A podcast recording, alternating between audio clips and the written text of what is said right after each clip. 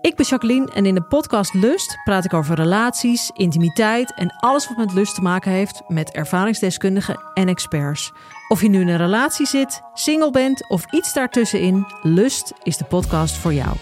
Overal te beluisteren, dus ook in jouw favoriete podcast-app.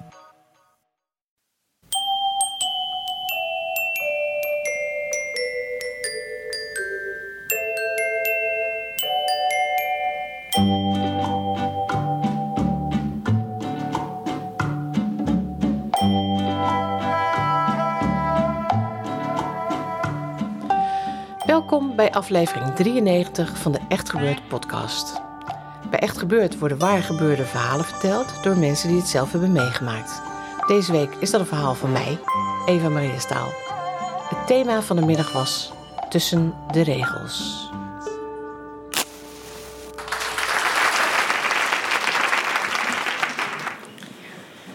Ik was 36 en ik werkte al 12 jaar in de wapenhandel.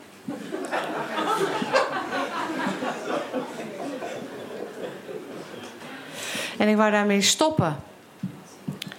Ik wou daarmee stoppen.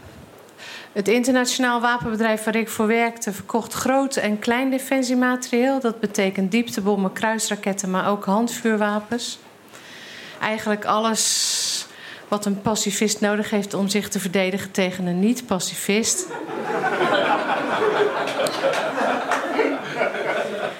Ik hield van mijn werk. Ik hield heel veel van mijn werk. Ik houd van techniek. Een wapen is een mooi stukje techniek. Ik hield van techniek. Ik hield van het snelle leven wat ik leidde. Ik hield van het geld dat ik ermee verdiende. En ik hield ook van het soort mensen waarmee ik zaken deed.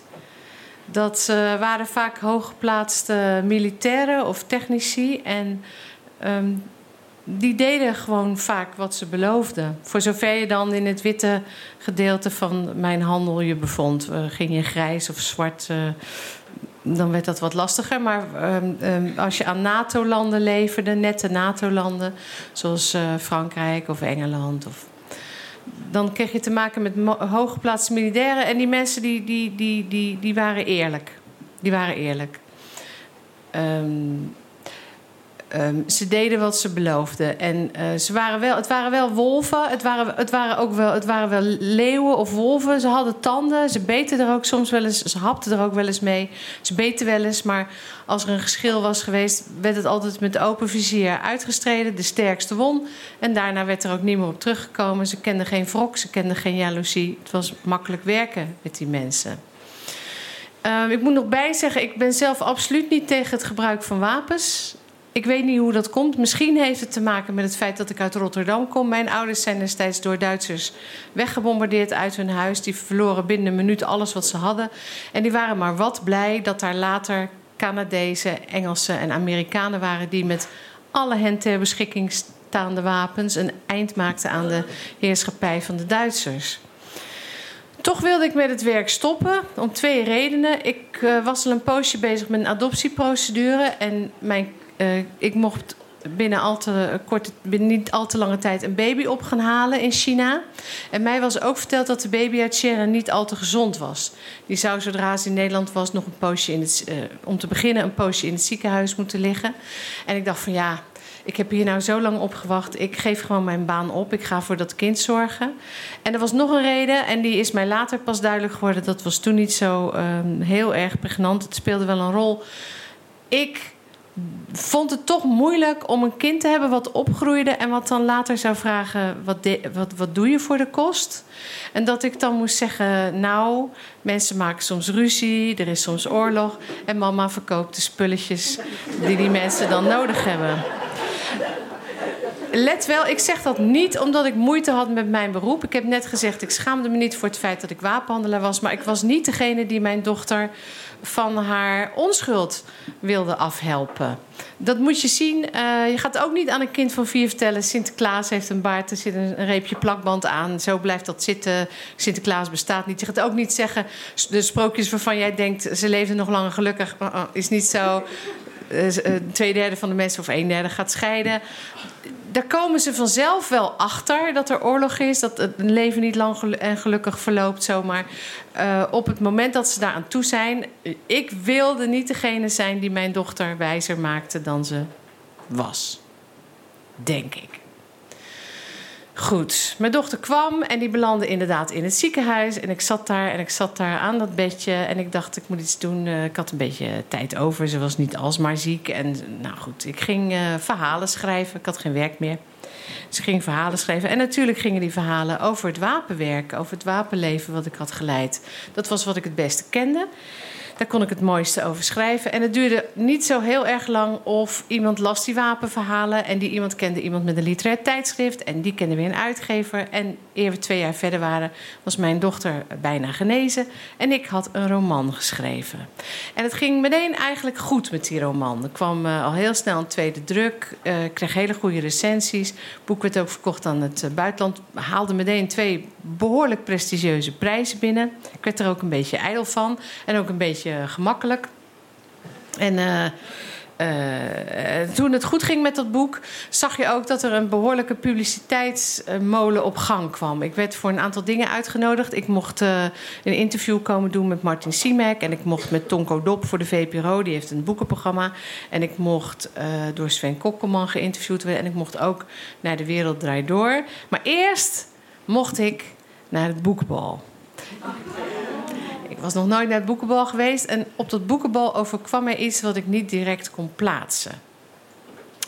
Ik was op het boekenbal en ik stond in het midden van de Schouwburgzaal. Ik wilde net gaan zitten. Het voorprogramma zou beginnen.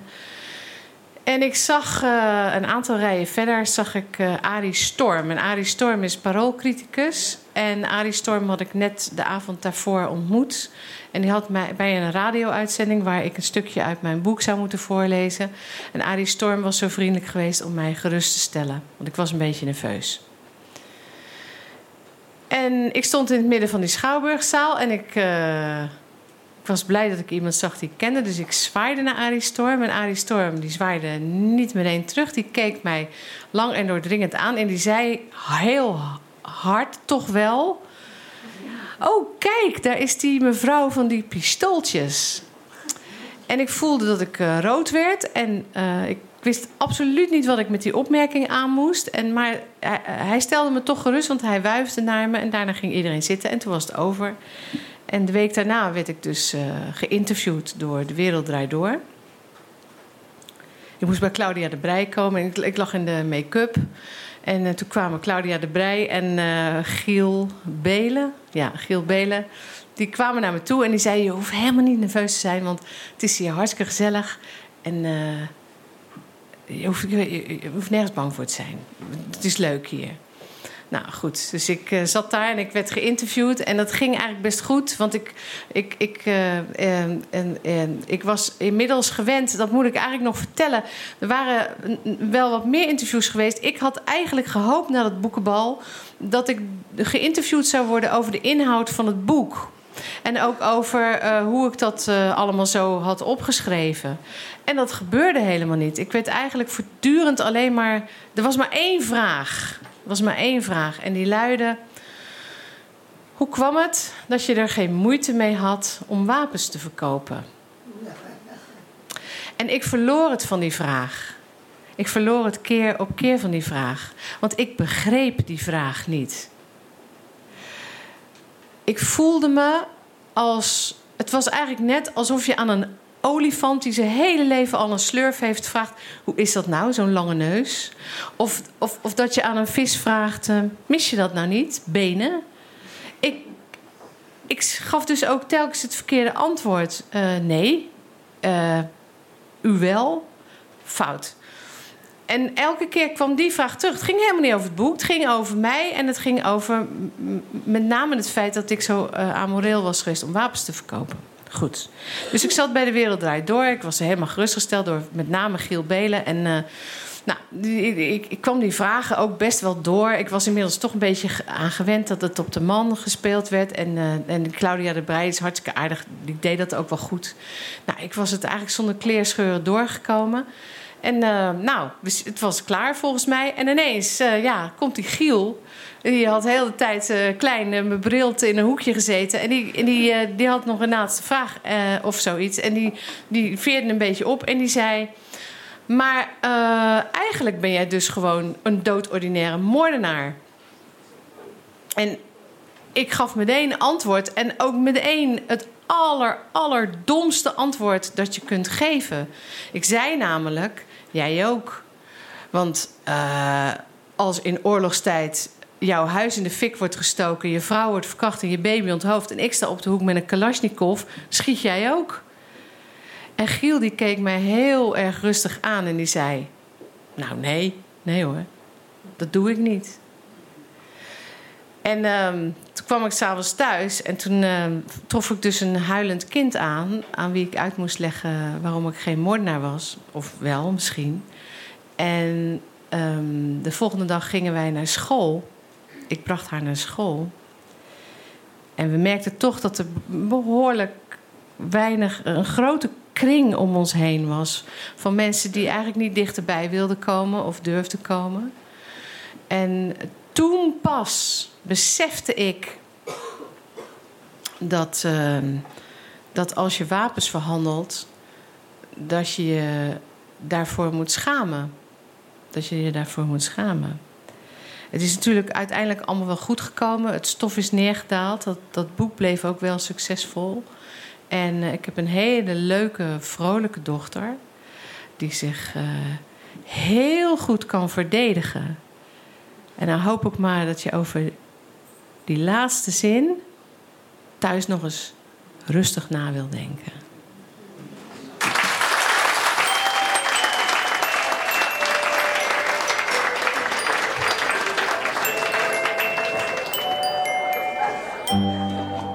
Dat was ik, Eva Maria Staal.